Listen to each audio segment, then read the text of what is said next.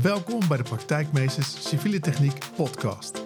Mijn naam is Patrick Wagenaar en in deze podcast bespreek ik hoe het nu eigenlijk allemaal in de praktijk werkt. Dit doe ik door het delen van tips, tricks en interviews om zo mijn praktijkkennis en die van anderen met jou te delen. Geweldig. Ik ben vandaag bij Suzanne de Vos in de woonkamer. Welkom Patrick. Dankjewel. En uh, wij hadden elkaar aan de telefoon. Ook weer contact via Inge. Dankjewel Inge, wederom. En uh, toen, zei, toen zei ik van... Uh, ik heb jouw gegevens gekregen via Inge. En jij bent heel goed in MKI. Het zei nou, nou, nou... Of ik mezelf nou expert mag noemen... Uh, en we praten door en toen zei ja, ik ben er al ongeveer een jaar of twintig mee bezig. 25 plus. 25 plus. En toen dacht ik, nou ja, je kun jezelf geen expert vinden. Maar als je 25 plus jaren bezig bent met MKI, dan uh, ben je wat mij betreft wel een expert. En dan dacht ik, ja, dan, dan moeten wij even aan tafel komen. Ja, nou, nou Patrick, ondertussen durf ik ook wel toe te geven dat ik expert ben. Ik krijg via de band, via anderen ondertussen zo vaak terug uh, jij bent de expert, Suzanne. We hebben een vraag, kan je helpen? Dus uh, ik, ik heb het geaccepteerd. Heel goed, heel goed. Dus ik mag gewoon zeggen dat ik vandaag een podcast opneem met Suzanne de Vos, expert op het gebied van MKI. Zeker, Patrick. Heel goed. Nou, dat gaan we dan doen ook. Uh, voor de mensen die het niet weten, MKI staat voor Milieukostenindicator en het is de uitkomst van een levenscyclusanalyse. Dus uh, je gaat naar materialen en producten kijken. Van echte wieg, dus van de eerste grondstofwinning tot en met het graf. Is dat uh, cradle to grave, zeg maar? Uh... Ja, ja, dat. En je gaat in al die stapjes in de levenscyclus kijken. Hoeveel energie wordt er gebruikt? Hoeveel emissies komen er vrij? Ontstaat er afval? Wat gebeurt daar dan weer mee? Um, en dan ga je uitrekenen wat de milieu-impact is van al die processen over de hele levenscyclus. En bij MKI drukken we op dit moment die milieu-impact nog eerst uit in 11 milieueffecten.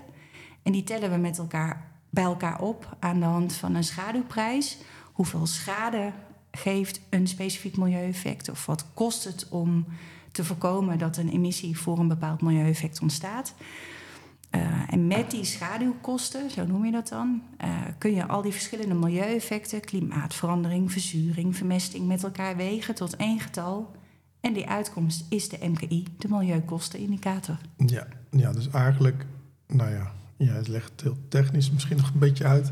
Uh, je, je, je trekt het terug naar een eenheid waarbij je alles met elkaar kunt vergelijken. Ja, zoals je kosten gewoon vergelijkt met euro's. En vroeger niet Duitse marken en uh, Franse franken bij elkaar optelt. Zo helpt de MKI om alle milieubelasting onder één noemer, in één getal uit te drukken, zodat je milieubelastingen met elkaar kan gaan vergelijken. Ja, en uh, vroeger, meer dan 25 jaar geleden, toen dacht jij Wauw, dat uh, MKI, dat uh, ga ik doen. Want uh, ik, ik weet eigenlijk helemaal niet hoe lang MKI al bestaat. dat is misschien de eerste vraag. En daarna ja. ga ik kijken hoe jij er bent gekomen, zeg maar. Nou, 25 jaar geleden was, was het nog niet per se MKI. Maar dat was wel de tijd dat vooral op de universiteiten er best wel veel onderzoek gedaan werd naar de methode levenscyclusanalyse. dus meer dan 25 jaar geleden, dat was een super interessante tijd, um, hadden die universiteiten iets bedacht wat interessant leek te zijn om, uh, om beslisinformatie te genereren. zeg ik ook weer een beetje, nou, niet technisch, maar uh, abstract denk ik. Um, maar in die tijd werd er eigenlijk gekeken van... jeetje, hoe krijgen we dit nou toepasbaar? Dus uh, er, werden, er werd aan databases gewerkt... want je hebt best wel veel gegevens nodig voor zo'n levenscyclus uh, analyse. Dus EcoInvent werd ontwikkeld. Nou, voor mensen die veel met levenscyclusanalyse bezig zijn, EcoInvent is uh, Europees gezien de meest gebruikte database voor, uh, voor het opstellen van LCA's. En het was ook de tijd dat impact assessment methodes werden ontwikkeld. Dus ik noemde net al elf milieueffecten. Ja. Zeg maar, in zo'n database dan, dan krijg je inzicht in, in welke stofjes gaan er nou naar lucht, naar water, naar bodem. Uh, Uh, hoeveel grondstoffen gebruik je precies? Um, maar je wil dat nog uitdrukken in welke impact heeft dat. Nou, dat, dat doe je met een impact assessment methode. Dus die 11 milieueffecten die we na uitrekenen, dat reken je uit met een impact assessment methode. En 25 jaar geleden werden er ook allerlei impact assessment methodes ontwikkeld en verzonnen. Hoe breng je landgebruik tot uitdrukking? Hoe, hoe reken je precies aan klimaatverandering? En uh, dat was de periode dat ik uh, afstudeerde stage vond bij het RIVM naar uh, risicoanalyse. Ik, ik heb gezondheidswetenschappen gedaan, wat voor de civiele techniek een beetje een gekke instroomrichting is. Ja, ja, ja. Um, maar die, die stage, zeg maar, daarin deed ik een ketenanalyse van één chemisch stofje. En ik vond dat waanzinnig. Het was benzylbutylftalaat, een weekmaker. En die werd maar in vier productjes gebruikt. Maar eigenlijk moest ik daar ook al de hele keten in beeld brengen hoe is het productieproces? Hoeveel emissies gaan er naar de lucht? Hoe verspreidt dat dan door het milieu? Wat hoopt zich op in de bodem en in het water? Wat uh, komt er dan weer terecht in het ecosysteem? Wat eten mensen daarvan? Hoe word je precies blootgesteld? En wat is dan de impact op je gezondheid en, en op het ecosysteem? En uh, direct na mijn afstuderen stond er een hele leuke advertentie uh, voor een baan bij een levenscyclusanalyse uh, adviesbureau. Pre-consult. Dus dacht ik, nou, dit is gewoon wat ik, waar ik in afgestudeerd ben. Hier ben ik, hier ben ik voor. Precies, nou, ik ben daar aangenomen. En um, um, nou, op dat moment was dat bureau al wereldmarktleider in LCA-software. Echt super knap, klein Nederlands bedrijfje uit Amersfoort. En ik mocht daar werken als LCA-adviseur. Nou ja, dan leer je het wel. Want in die tijd kreeg je natuurlijk ook superveel vragen. Hoe werkt dit dan precies? Dus in no time moest ik me gaan verdiepen. Ja, hoe werkt het eigenlijk precies? Hoe leg ik dit nou uit uh, aan een potentiële opdrachtgever... die misschien wel een LCA-analyse van zijn product wil... Uh, dus ik heb daar waanzinnig veel mogen leren. En het heeft wel de basis gelegd waarom ik nu denk... ja, dat LCA-sommetje heeft niet zo heel veel verrassingen meer voor mij. Ik mag me wel expert noemen. Ja, heel goed, heel goed. Uh, hiervoor heb je, je had de hele andere richting gekozen. Qua studie. Ja. Uh, toch die overstap gemaakt en hoe ben ik dan in de, bij de GWW terechtgekomen? Hè? Ja, uiteindelijk, uh, nou ja, ik snap het wel dat je die analyses zeg maar leuk vindt. Ja. Maar ja, nu zit je echt helemaal in het GWW-verhaal. Uh, ja. Want je werkt nu... Ik werk nu bij Rijkswaterstaat. Ja. En eigenlijk is het best een, achteraf gezien, hè, dat is altijd makkelijk, maar best een logisch carrièrepad geweest. Want ik heb eerst zeven jaar bij dat LCA-bureau gewerkt. En wat ik net zei, ja, dat sommetje, dat ken ik nu wel. Dat dacht ik na zeven jaar al. Toen dacht ik, ja, ik zou het eigenlijk super interessant vinden om dat sommetje in te kunnen zetten voor productontwikkeling, voor duurzame innovatie. Maar dat, dat lukt me niet bij dit LCA-adviesbureau, want die blijven hangen in de sommetjes. Dus dan moet ik ergens anders gaan werken. En toen ben ik bij TNO terechtgekomen. En uh, toen dacht ik, ja, dat is natuurlijk ideaal, want TNO doet heel veel onderzoek en is met innovatie en ontwikkeling bezig. Dus daar ga ik die link kunnen maken tussen LCA en, en techniek. En dat bleek uh, eigenlijk aanvankelijk helemaal niet zo vanzelfsprekend. Want ook bij TNO werden er gewoon vooral LCA-sommetjes gemaakt door een soort van eigen winkeltje, ja. LCA-winkeltje. Maar dat LCA-winkeltje hing toevallig organisatorisch binnen TNO bouw en ondergrond. Toen dacht ik, ja, dan ga ik eerst maar eens kijken of ik collega's in bouw ga leren kennen of kunnen leren kennen. En uh, zo heb ik uh, Greet ontmoet, die ook in jouw podcast zat. Ja, Want Greet ja, wist ja. toen al van alles van asfalt... en had ook collega's die heel veel van beton wisten... en van staal en van bruggen. En in die beginperiode was het heel taai... want dat LCA-sommetje bestond wel... Maar als ik dan op pad ging en op bezoek ging met een aannemer en vroeg van joh, uh, CO2, CO2-reductie, speelt dat in jullie organisatie? Ben je daarmee bezig? Dan werd er eerst onder de tafel gekeken welke gijzerwolle sok er nou weer van TNO aangeschoven was. het was. Het was voor de happy few die zelf een enorme drive hadden op duurzaamheid en die waren er niet superveel in die tijd. En dat veranderde toen opdrachtgevers in de GWW gingen inkopen met MKI echt in een paar jaar tijd heb ik die verandering zien ontstaan van het idee van jeetje, ik lijk hier wel als een soort van uh, milieuactivist aan tafel te zitten, naar dat, dat ik de telefoontjes kreeg van joh, Je bent ooit bij ons op bezoek geweest. Jij weet iets van LCA. Ehm, kunnen we nog eens babbelen? Want ik zou er graag meer van willen weten. Ja, ja. En nu is het gewoon business geworden. Uh, er zijn zoveel opdrachtgevers die inkopen met MKI op duurzaamheid, dat voor heel veel aannemers het gewoon super duidelijk is geworden. Dit is business. Als we nou niet mee gaan doen en niet weten hoe dat MKI-spel werkt, dan, dan, dan, lig je eruit. Dan liggen we eruit. Dan uh, krijgen we het werk niet meer. En dat betekent ook toen, ik, ik ben in uh, 2019 van TNO overgestapt bij, naar RWS. Ik had een hele mooie groep van ongeveer 15 collega's om me heen die samen met mij bezig waren met LCA, MKI uh, uh, in de GWW-sector. Of in de bouwsector, ietsje breder was dat nog. Um, maar regelmatig uh, hadden we contact met aannemers die grotere teams hadden aan specialisten die met duurzaamheid bezig waren, als dat ik bij TNO aan collega's had. Dus van het niet weten in een paar jaar tijd is er, heeft er een enorme kennisopbouw plaatsgevonden bij en, aannemers. En dat is eigenlijk in gang gezet doordat opdrachtgevers ja. uh, dit, dit middel zijn gaan gebruiken in de aanbestedingen. Ja, ja wat, ik vond dat Inge dat heel mooi toelichtte in, jouw uh, in jouw podcast. Het, met duurzaamheid heb je inderdaad echt die kip-ei. Uh, we willen het wel maken, maar niemand vraagt erom. Dus waarom zouden we duurzame producten maken? Dus het moet echt beginnen bij die vraag. Hè. Uh, als, als opdrachtgever uh, kan je vragen om duurzame producten en eigenlijk de randvoorwaarden creëren dat de markt daarop kan gaan reageren. En dat werkt, hebben wij gezien. Ja, dat blijkt. Dat ja. blijkt. Jij zei net, uh, aannemers die, die ja, als ze niet meegaan, dan vallen ze buiten de boot. Dus ze moeten mee met zeg maar, het, het, het spelletje MKI. Laten we het even spelletje noemen ik weet niet of het een goede term ja, is. Ja, we maar... gaan dat zo nog nuanceren. kun, kun, je ons een beetje meenemen in uh, hoe, dat, hoe dat gaat? Uh, want uh, nou, ik kijk nu even vanuit de rol van de opdrachtgever. Die, die wil iets. Ja. En die zegt, ja, we gaan hier duurzaamheid in opnemen. Ehm, neem ons mee. Wat, wat zijn de stappen? Ja. Nou, ik, ik beschrijf die stappen met een MKI-bril. Dat krijg je als je met een MKI-specialist. Ja, als ik het niet uh, snap, dan ga ik, uh, ga ik het aan je vragen. Ja, maar zeg maar, wij passen MKI eigenlijk op twee manieren toe. Uh, we hebben MKI-eisen opgesteld voor asfalt en beton. En dat noemen we peloton-eisen.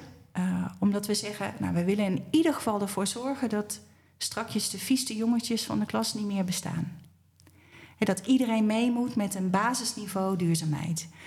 Um, dus, dus dat is één van de mogelijkheden. Van hoe kan je dat aanpakken? Nou, je zou MKI-eisen kunnen opnemen in je contract. Een plafondniveau wat iedereen minimaal moet halen. Beter mag, maar daarboven, uh, dat mag niet. Ja, en die eisen, zijn die ergens voor mensen te vinden?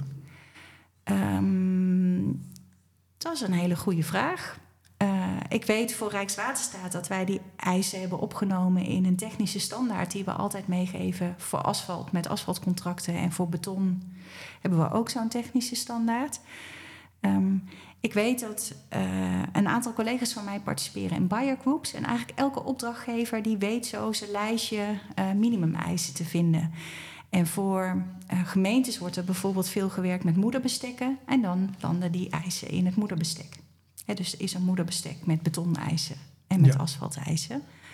betonakkoord heeft zo'n lijstje met eisen opgesteld. Dus er zwerven in Nederland nog verschillende MKI-eisen, uh, lijstjes rond. Ja. Dus dat is meteen een mooie kans. Uh, hoe kan het beter? Nou, het zou toch echt te gek zijn als we uniforme MKI-eisen gaan hanteren.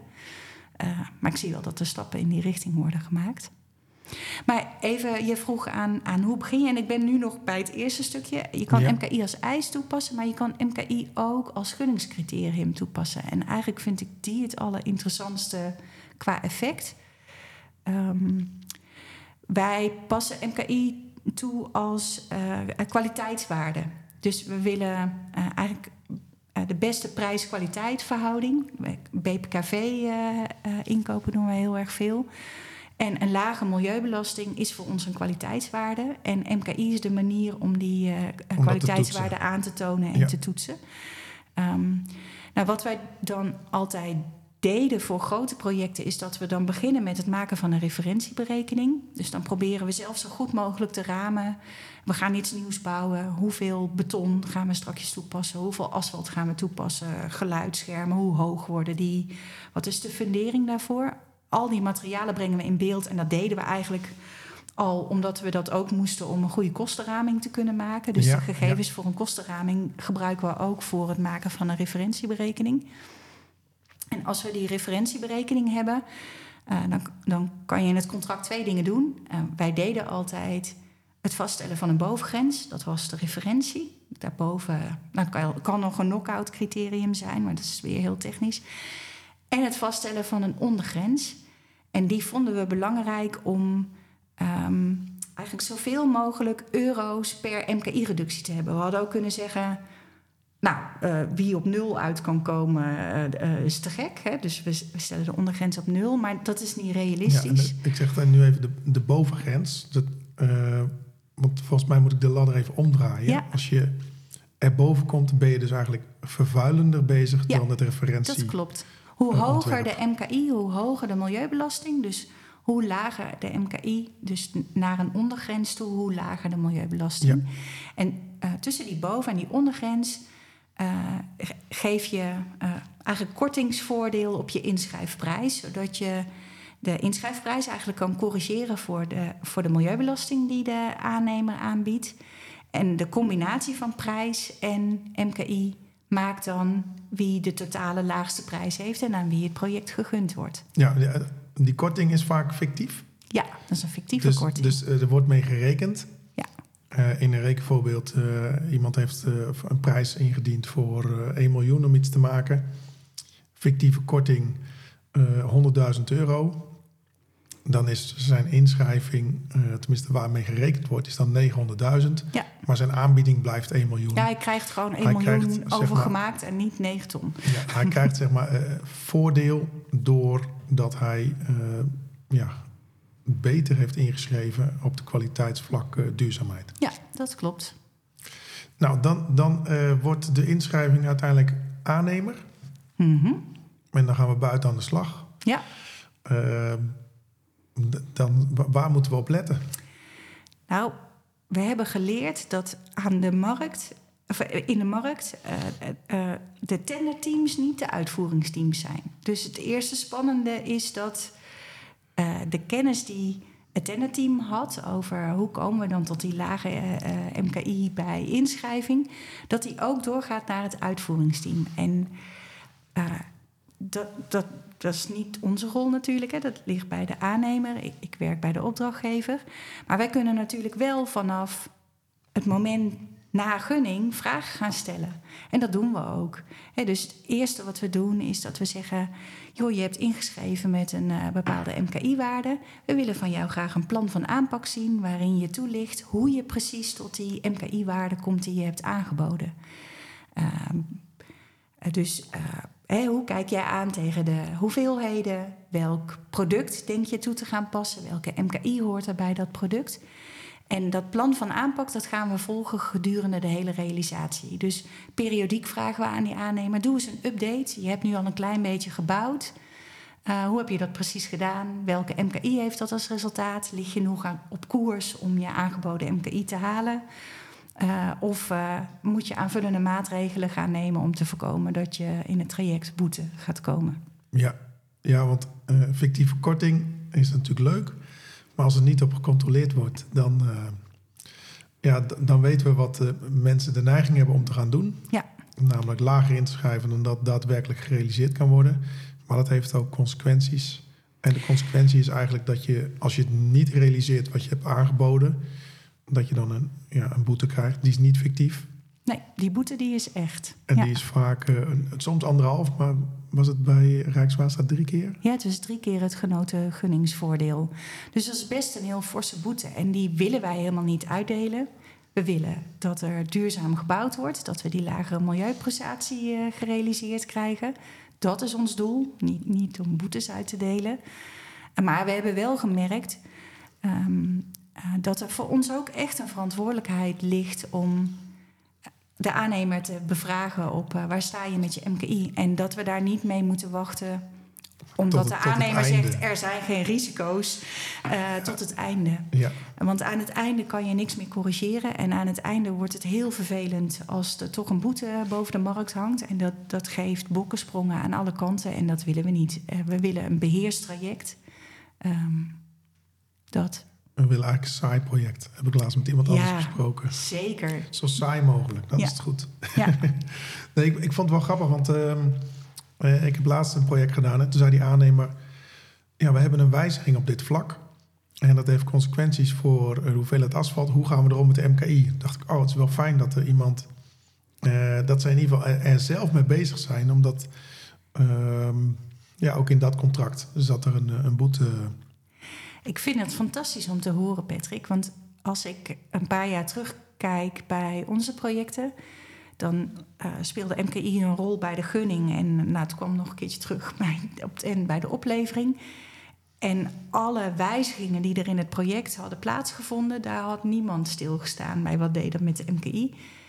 En dat is natuurlijk helemaal niet handig. Want als je meer werk gaat uitvoeren, meer asfalt gaat neerleggen, dan heeft dat direct invloed op hoe hoog je project MKI is. En als je dat nooit verrekend hebt, dan kijk je weer naar dat toch wel abstracte MKI-getalletje waar je ooit mee hebt ingeschreven. Maar je kan eigenlijk helemaal niet meer terugleiden waar stond het nou voor en hebben we het nou wel of niet gehaald. Dus Ja, de kans dat je het niet haalt wordt een stuk groter als je, als je meer, als je meer Exact. werk gaat uitvoeren. Dus eigenlijk moet het ook weer aan allebei de kanten, bij de aannemer, maar ook in, bij de eh, contractmanagers eh, van de opdrachtgevers, gewoon gewoon te worden. Wijziging is meteen eh, een lampje aan. Hé, wat betekent dit voor de MKI? Is dit een wijziging die we ook als een VTW voor de MKI moeten gaan verwerken? Ja, eigenlijk je hem gewoon in je, in je wijziging, als er een, als er een ja, wij noemen het AWR, maar volgens mij is het hetzelfde. Als je een AWR-formulier krijgt, dan eh, staat er meestal, heeft het consequenties voor tijd, geld of kwaliteit. Eh, en een range van welke kosten voor, of welke range voor het budget hebben we het over. Hebben we het over 1000 euro of 5 of hoger. Eigenlijk zou er ook een vakje MKI bij moeten staan. Is dit van toepassing voor de MKI als inschrijving in het contract? Of doet het niet de zaak en dan kun je hem Exact. gewoon eh, loslaten. En eigenlijk is het super logisch, hè? want je zei al, welke impact heeft het op kwaliteit? Nou, dat MKI is een kwaliteitscriterium, dus ja, je moet hem dan inderdaad ook meteen zo praktisch doorvoeren. Wat is mijn wijziging in budget geld, maar ook wat is mijn wijziging in MKI? Ja. Een tipje ook voor me. Ik noteer hem voor mezelf. eh, note to self. Superleuk dit. Eh, dan hebben we de, zeg maar de uitvoering gehad. En dan krijg je uiteindelijk de, de, ehm, nou ja, de samenvoeging ervan aan het einde. Alles wordt bij elkaar opgeteld. Het zou eh, meestal op minder uit moeten komen.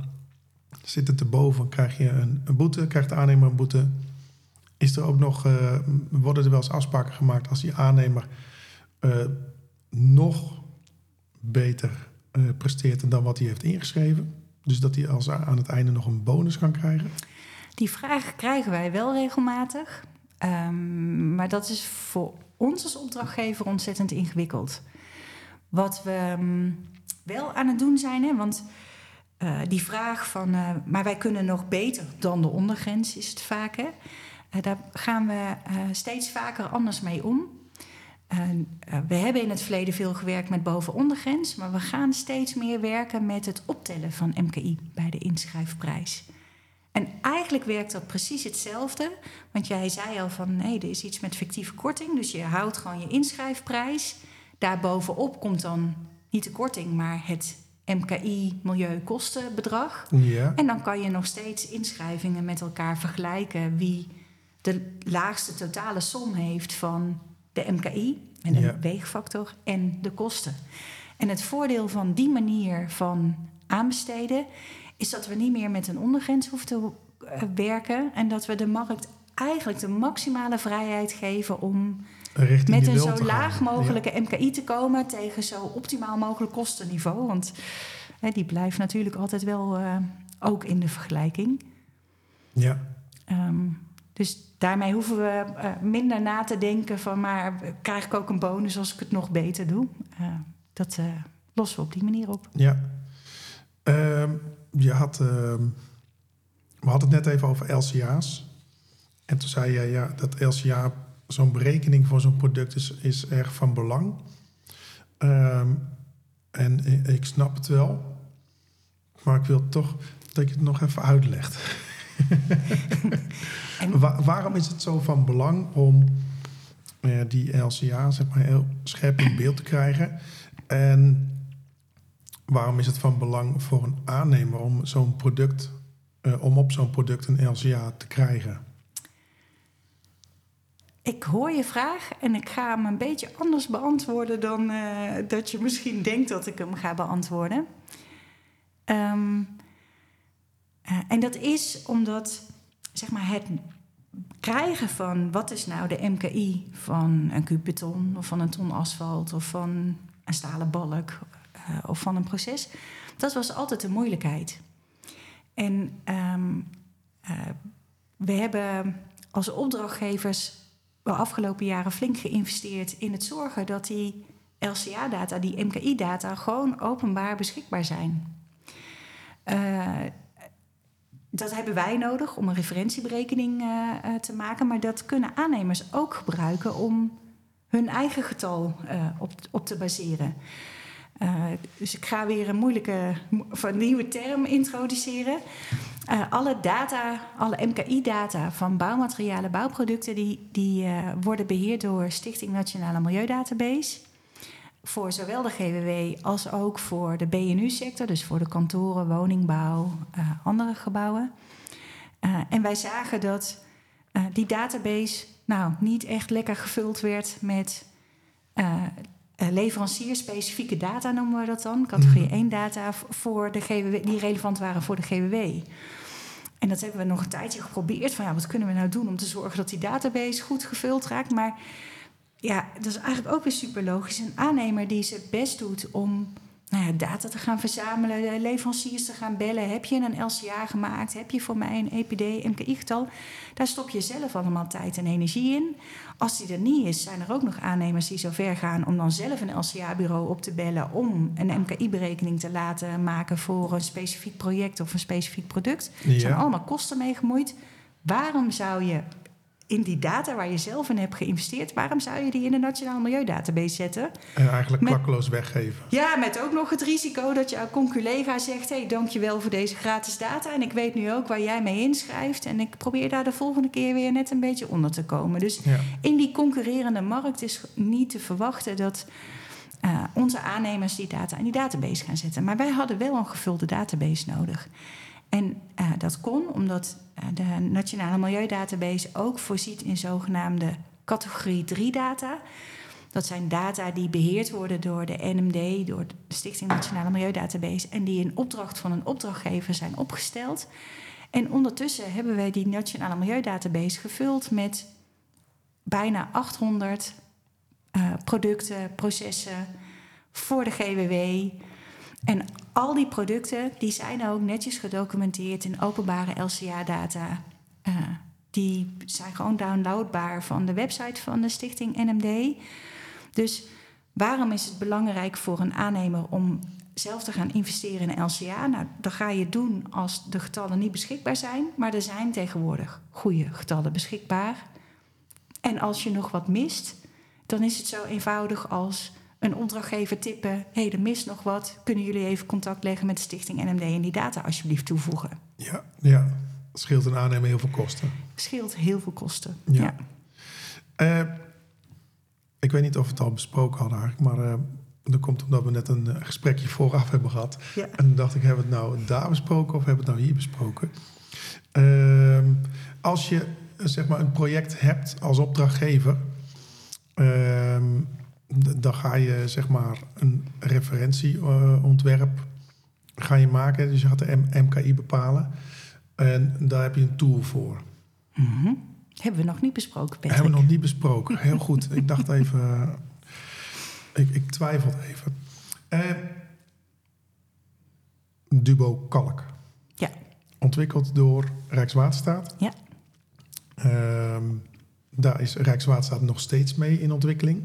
Ja, klopt. En jij, ik dacht, persoonlijk dacht ik dat het Dubo Kalk echt heel groot en misschien lastig om mee te werken is. Maar ik heb er nooit mee gewerkt. En jij zei, het is een, een hele grote verzameling van gegevens.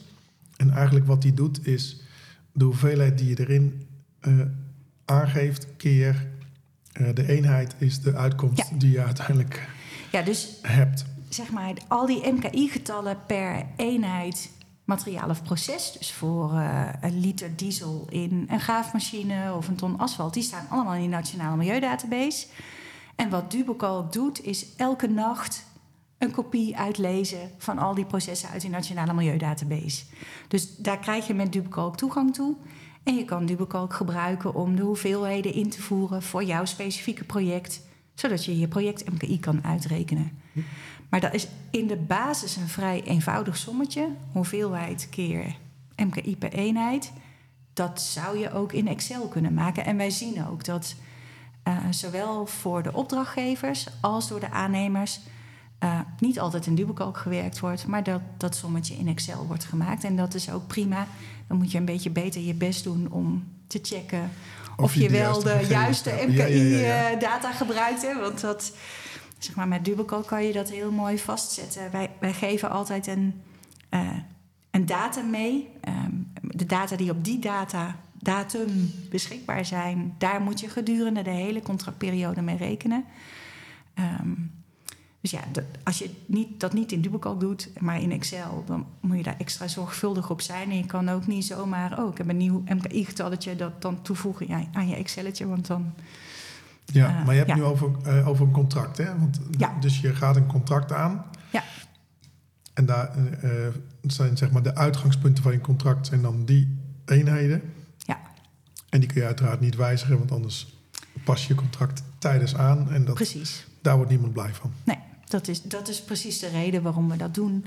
Want dat is heel logisch, maar was misschien wel nog aardiger. Hoe, hoe steekt het precies in elkaar, eh Suzanne, eh, eh, toelichting die ik nu kan geven? Al die LCA-uitkomsten die worden berekend op basis van een methode. De bepalingsmethode is dat voor Nederland. En de bepalingsmethode is weer een aanvulling op een Europese LCA-methode voor bouwproducten, de EN 15804. Maar die methodes die wijzigen door de tijd nog wel eens. Dus dat betekent dat de uitkomst van je sommetje ook afhangt van met welke versie van de methode je hebt gerekend. Nou ja, dat zijn allemaal dingen die moet je natuurlijk in je contract wel vastzetten om te voorkomen dat het eh, glad ijs en een hele onvoorspelbare situatie wordt. En ook nou ja, de kans ontstaat dat je gaat shoppen in, eh, nou, in al die verschillende versies. Bepalingsmethode, eco-event, database. Waar, waar vind ik toevallig het laagste getalletje? Dan ga ik dat gebruiken voor mijn project. Ja, Ja, nee, dat, gaat, dat gaat niet. niet werken. nee. Het is wel, het is, ik vind het wel veel. Maar jij bent er al Sorry. 25 jaar mee bezig. Dus, eh, nee, ik vind het... eh, kijk, waar, waar ik eigenlijk naartoe wil... en ik denk dat jij dat ook wil... is dat hoe kunnen mensen die... ehm, nou ja, ik weet... Voor sommige mensen is MKI eh, moeilijk grijpbaar. Ja. Hoe, hoe kan ik het nou, mak hoe, nou makkelijk, hoe kan ik het nou gaan toepassen als je in een organisatie zit die er eigenlijk geen gebruik van maakt? Hoe kun je dan toch ehm, ja, de juiste tools vinden om MKI wel te gaan gebruiken in je projecten, als Ja. jij daar behoefte aan, aan hebt? En ehm, nou ja, daar ben ik wel een beetje naar op zoek. Ja, Of- ik snap hem, Patrick. ja, ja, ja. Ik snap hem. En eh, ik hoor jou vragen stellen, ook met een opdrachtgeverspetje Ja, op. ja, dat is ook de rol die ik eh, vervul. Precies. En ik, ik denk dan steeds, zeg maar, ehm, de contracttekst voor MKI, dat is inderdaad een heel ander ding dan hoe je precies een referentieberekening maakt of eh, waar je je data vindt voor de materialen of producten uit, uit jouw project. Dus ik denk dat het helpt om dat steeds te onderscheiden. En ehm, we krijgen regelmatig de vraag van andere opdrachtgevers van... joh, we willen ook aan de slag met eh, MKI in onze contracten. Kunnen jullie contractteksten delen? Of de, de- krijgen die vraag niet eens, maar die struinen het tendernet af... en daar vinden ze ook alle contractteksten zoals Ja. wij die in de markt zetten. En ik vind dat echt een super slimme strategie. Waarom zou je het wiel opnieuw uitvinden... als je ook gebruik kan maken van de ervaring van anderen?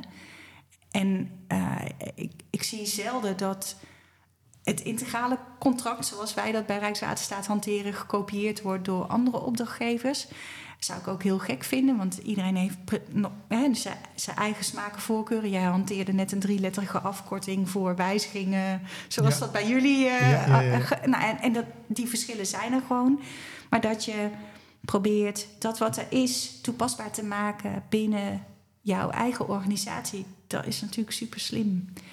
En ik denk dat ehm, het, ja, uh, zo doen we dat nu, denk ik, onderling. Hè, dat we proberen leentje buurt te spelen van de kennis die er al is.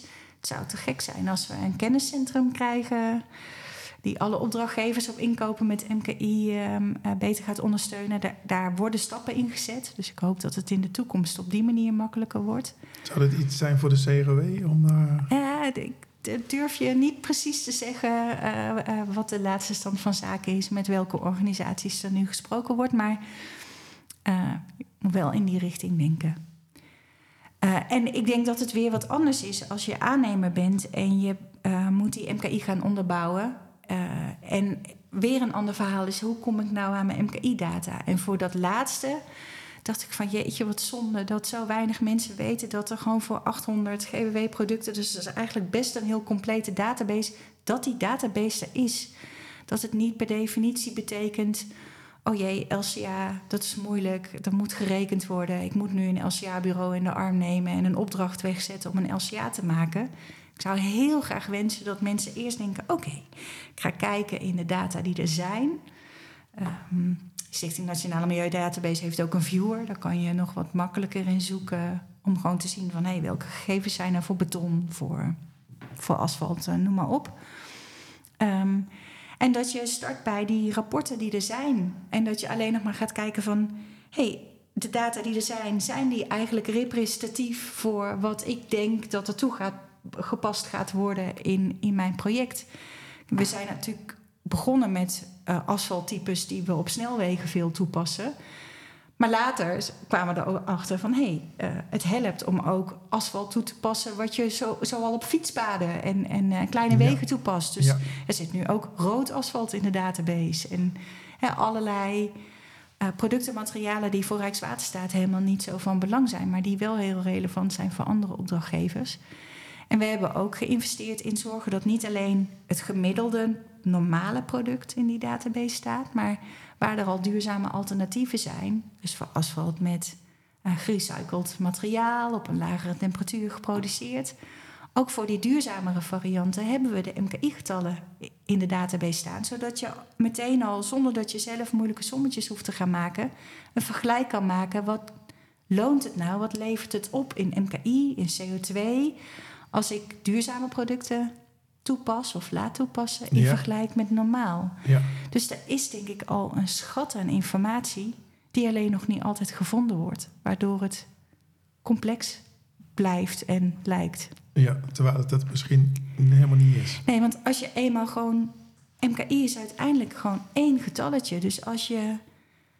Uh, als je in geld kan rekenen, dan kan je ook in MKI rekenen. Het werkt precies hetzelfde. Ja.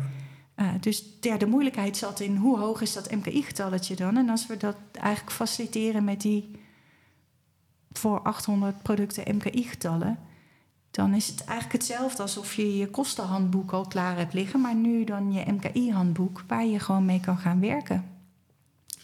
Nou, dat, lijkt me een shout-out om het uh, nog meer te gaan gebruiken. Ik zie je ook lachen. Uh, waar, we zitten nu 2024 net aan waar zijn we over, uh, waar zijn we over tien jaar? Oeh, wat een moeilijke vraag, Patrick. Nou, ik heb wel een wens uh, voor wat er de komende tien jaar gaat gebeuren. Want uh, ik, ik zie bij onze aannemers, maar ook bij het opstellen van die data bij de NMD, dat er toch best een beetje een kloof lijkt te zijn tussen de mensen die de LCA-sommen maken en de mensen die met de voeten in de klei of de modder eh, op de bouwplaats staan. En ik zou heel graag wensen, en ik denk ook dat dat heel hard nodig is, dat die kloof gedicht wordt. Ja, ik las laatst een mooie quote van: in, in theorie is de theorie en praktijk hetzelfde, in de praktijk niet. Ja. dat is in dit geval ook... Uh... Nou, dat is wel een risico wat, we nu uh, lopen. En ik had heel plechtig aan mijn collega's beloofd... het niet te veel over risico's te hebben. Maar deze wil ik toch heel graag benoemen. Ook omdat ik hem heel erg kan koppelen aan mijn eigen ervaring... toen ik startte met LCA. Uh, eh, LCA is best een heel theoretische benadering. Je kan die sommetjes van achter je bureau maken met een computerprogramma, met een database erachter. En het is ook heel verleidelijk om gewoon op die bureaustoel te blijven zitten en uiteindelijk zo je MKI-getalletje op te leveren. Helemaal met het Nederlandse weer. Uh. Uh, zeker. maar er zijn ook dagen met technisch weer. En hoe leuk is het dan om die bouwplaats te bezoeken. Om naar een fabriek te gaan waar ze ehm, betonnen producten maken. Maakt niet uit welk bouwproduct. En het is eigenlijk ook nodig. Want op het moment dat je buiten rondloopt, uh, dan zie je wat er gebeurt. Uh, je, je, ziet bij wijze van spreken containers waar afval in verzameld Daar kan je vragen over gaan stellen. Wat zit er in die container? Bij welk proces ontstaat dat afval nou? Wat doen jullie er eigenlijk mee? Um, en nou is dit een, een beetje een open deur uh, vraag. Uh, ik, ik, denk dat alle, alle LCA-specialisten die data moeten verzamelen ook er echt wel zelf aan denken van oh, moet nog een vraag stellen over afval. Um, maar juist door uh, um, ook met je voeten in de klei te mogen staan of een goede, goed gesprek te mogen voeren met iemand die dat wel dagelijks doet, kan je dat theoretische sommetje spiegelen met de praktijk. En dat is super belangrijk. Want het MKI-getal moet wel representatief zijn voor wat er buiten echt gebeurt. Ja. Uh, en, en dat mis ik af en toe nog wel eens, waardoor het risico ontstaat dat mensen gewoon bureaufouten maken. Een stukje van de processen die buiten wel plaatsvinden, helemaal niet op hun netvlies hebben. Dus ook niet in hun MKI-berekening stoppen. Of omgekeerd.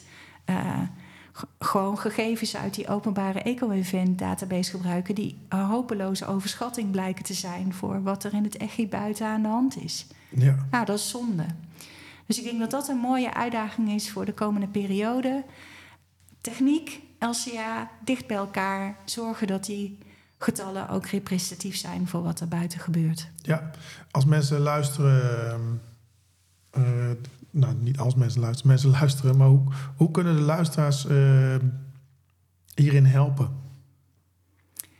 Uh, ja, nou, wat ik echt fantastisch zou vinden. Ja, jouw podcast is Praktijkmeesters voor de civiele techniek. Ja, ja. Dat er nou een paar civielers denken. Oké, okay, ja, ik kom MKI ook tegen. Ik ga eens die LCA-rapporten op de website van de stichting NMD openen. En in het begin denk je, jeetje, wat is dit? Uh, want ik, ik, weet uit ervaring, die categorie 3 data zijn heel beknopt en best LCA-technisch beschreven. Maar als je uh, buiten rondloopt, dan weet jij stiekem hartstikke veel van dat beton. Je weet wat er zowel aan grondstoffen in zit.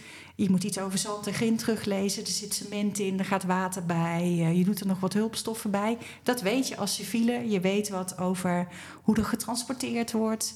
Je hebt een gevoel bij afstanden. Je weet hoe er gebouwd wordt op de bouwplaats. Nou, dat LCA-rapport beschrijft al die processen ook. Dus je leest erin terug uh, dat er een trilnaald wordt gebruikt en een hijskraan en hoeveel diesel er dan in omgaat. En dat dat dieselgebruik afgeleid is van een aantal uur dat die bouwmachine actief is. Uh, je, je kunt dat spiegelen. Wat weet jij van hoe er gebouwd wordt? En zie je dat terug in het LCA-rapport? En als je het niet terugziet in het LCA-rapport, wat denk je dat er aangepast moet worden? Ja. En uh, omdat Stichting Nationale Milieudatabase uh, die data beheert, is het een kwestie van een telefoontje. Van joh, ik lees in jullie rapport dit en dit. Maar ik heb een heel ander beeld. En ik kan dat ook onderbouwen uh, met gegevens. Dat is de manier waarop we met elkaar die data die er zijn actueel kunnen maken als ze dat onverhoopt nog niet zijn. Hè. We hebben ons best gedaan om ze ja, zo... je gaat het uh, aanscherpen. Je gaat het aanscherpen, Ja. exact. Omdat er al een basis ligt, kan dat. Daar kan je kritisch naar kijken. Klopt het wel wat er staat? Ja.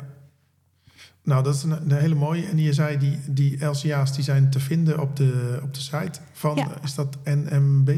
NMD, een eh, NMD, Stichting sorry. Nationale Milieudatabase. Ehm, en ik weet niet of we nog linkjes bij jouw podcast kunnen delen, maar ik, Nou, we kunnen op LinkedIn eh, een, linkje toevoegen. nou, ik kan met alle gemak even eh, het linkje opzoeken waar alle rapporten te vinden zijn voor de GWW-producten. Ja, hartstikke leuk. Eh, we hebben echt heel veel besproken. Heb- Hebben we nog dingen over het hoofd gezien?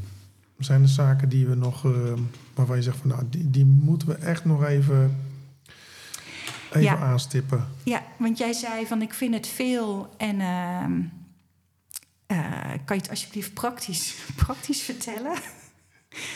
Eh, ik denk dat we nu heel veel gesproken hebben over hoe MKI werkt en waar je data kan vinden, maar eigenlijk nog niet waarom ik er zo enthousiast over ben en wat het eigenlijk heeft opgeleverd. Dus misschien is het wel aardig om daar nog even over mee af te ja, sluiten. ja, ja, ja, Ehm, kijk, wa- wat ik zo mooi vind aan MKI is, wij gebruiken het als inkoopinstrument, maar diezelfde LCA-techniek, die is ook super effectief als je als toeleverancier je eh, product wil gaan optimaliseren voor duurzaamheid. Want waar je dan begint is dat je eerst gaat zoeken... waar komt nou mijn meeste milieubelasting vandaan? In welke grondstof zit dat? In welk productieproces zit dat? En dat is precies de informatie die je uit een LCA haalt. En dat betekent dat het instrument wat wij gebruiken met inkoop... precies hetzelfde instrument, dus eigenlijk hetzelfde kompas is... als wat een leverancier kan gebruiken om, eh, om zijn producten te verduurzamen. En als je hetzelfde instrument gebruikt, nou, dat kan heel effectief zijn. En dat hebben we ook teruggezien. Dus eh, Inge vertelde al, door in te kopen met MKI hebben we gezien dat er geïnvesteerd werd in asfaltcentrales om op lage temperatuur te kunnen produceren, om meer recyclaat toe te kunnen passen. ja. Maar ik, we zien dat bij heel veel sectoren terug. Dus eh, we hebben de afsluitdijk aanbesteed met MKI. En ehm, ik moet eerlijk zeggen, toch best een beetje tot onze verbazing kregen we daar hele mooie maatwerk betonnen dijkbekleding aangeboden. Die super efficiënt was in hoeveel beton er per vierkante meter dijkbekleding nodig is. Dat waren prefab-elementen die normaal gesproken met CO2-rijk CEM1 cement worden gemaakt, want dat hard lekker snel uit. Maar hier had de aannemer zijn best gedaan om dat eh, eh, blok te maken met een CEM3 cement. Gewoon even wat meer uithardingstijd te nemen, want dat scheelt ontzettend veel in MKI. En hij heeft ook nog eh, een tijdelijke productielocatie naast de afsluitdijk ingericht, zodat hij zo efficiënt mogelijk alleen zijn mortel en zijn wapening hoefde En te transporteren. En minimaal transport. En eh, minimaal transport, want eh, als je dat eh, eh, element, het is ja, een levelblok, een heel ehm, bijzonder gevormd. Als je die op een andere plek had gemaakt en op een vrachtwagen had moeten zetten, had je maar een paar blokken op die vrachtwagen kunnen transporteren. Dus dan had je heel veel MKI in transportkosten gehad. ja. Ehm, eh, aan de andere kant van de dijk eh, kwamen ineens holle blokken te liggen. Want toen dacht die aannemer, ja, ik, eh, dat blok doet het net zo goed als ik de binnenruimte niet vul met beton. En ik word echt ontzettend blij van dat soort ontwikkelingen. Wij hebben zelf geen fabrieken waarmee we die duurzame producten kunnen maken. Maar we kunnen op die manier wel faciliteren dat het loont om te investeren in duurzame producten. En daarmee ja, dragen we met z'n allen waanzinnig bij met super concrete technieken aan CO2-reductie. En, en we- zien hier dus dat het gewoon werkt. Het werkt. Die aannemer die moet baggeren en denkt: ik druk toch maar die eco-knop in, ook al was ik dat niet gewend. En, eh, maar ik kom er alleen maar als ik mijn brandstofverbruik optimaliseer. Ja, fantastisch. Ja. Het lijkt me een hele mooie afsluiter. En eh, nogmaals een shout-out om dit meer te gaan gebruiken. Als het al niet eh, werd gebruikt. Eh, mogen mensen jou nog benaderen als ze denken van nou, ik heb wel wat vragen over MKI. Ja, Ik- dat ik- mag. En ik doe meteen een winstwaarschuwing. Want ehm, eh, ik, ik heb 9000 collega's bij Rijkswaterstaat. En die weten je op een gegeven moment ook best goed te vinden als, als MKI-specialist. Ja, Dus dat betekent dat ik nog wel eens een mailtje in mijn mailbox mis. eh, en eh, dat ik ook wel eens tegen mensen zeg... Nou, als je echt wat van me nodig hebt, bel me, bel me alsjeblieft even. ja maar je bent, Ehm. geen, je bent geen helpdesk-loket. Ik ben geen helpdesk-loket, maar tegelijkertijd ehm, ehm, eh, eh, deel ik graag mijn kennis en eh, eh, ga kijken hoe we dat dan zo efficiënt mogelijk kunnen doen met elkaar. Ja, super. Suzanne, dank voor het delen van je kennis. Graag En, eh, gedaan. ik, ik heb er weer heel veel van geleerd ook. Daarvoor dank. Eh, en eh, ja, wij houden gewoon contact. Super Patrick, doen we. Bedankt voor het luisteren naar deze podcast. Wil je nooit meer een aflevering missen? Abonneer je dan in je podcast-app. En wil je meer informatie? Kijk dan op www.praktijkmeesters.nl. .nl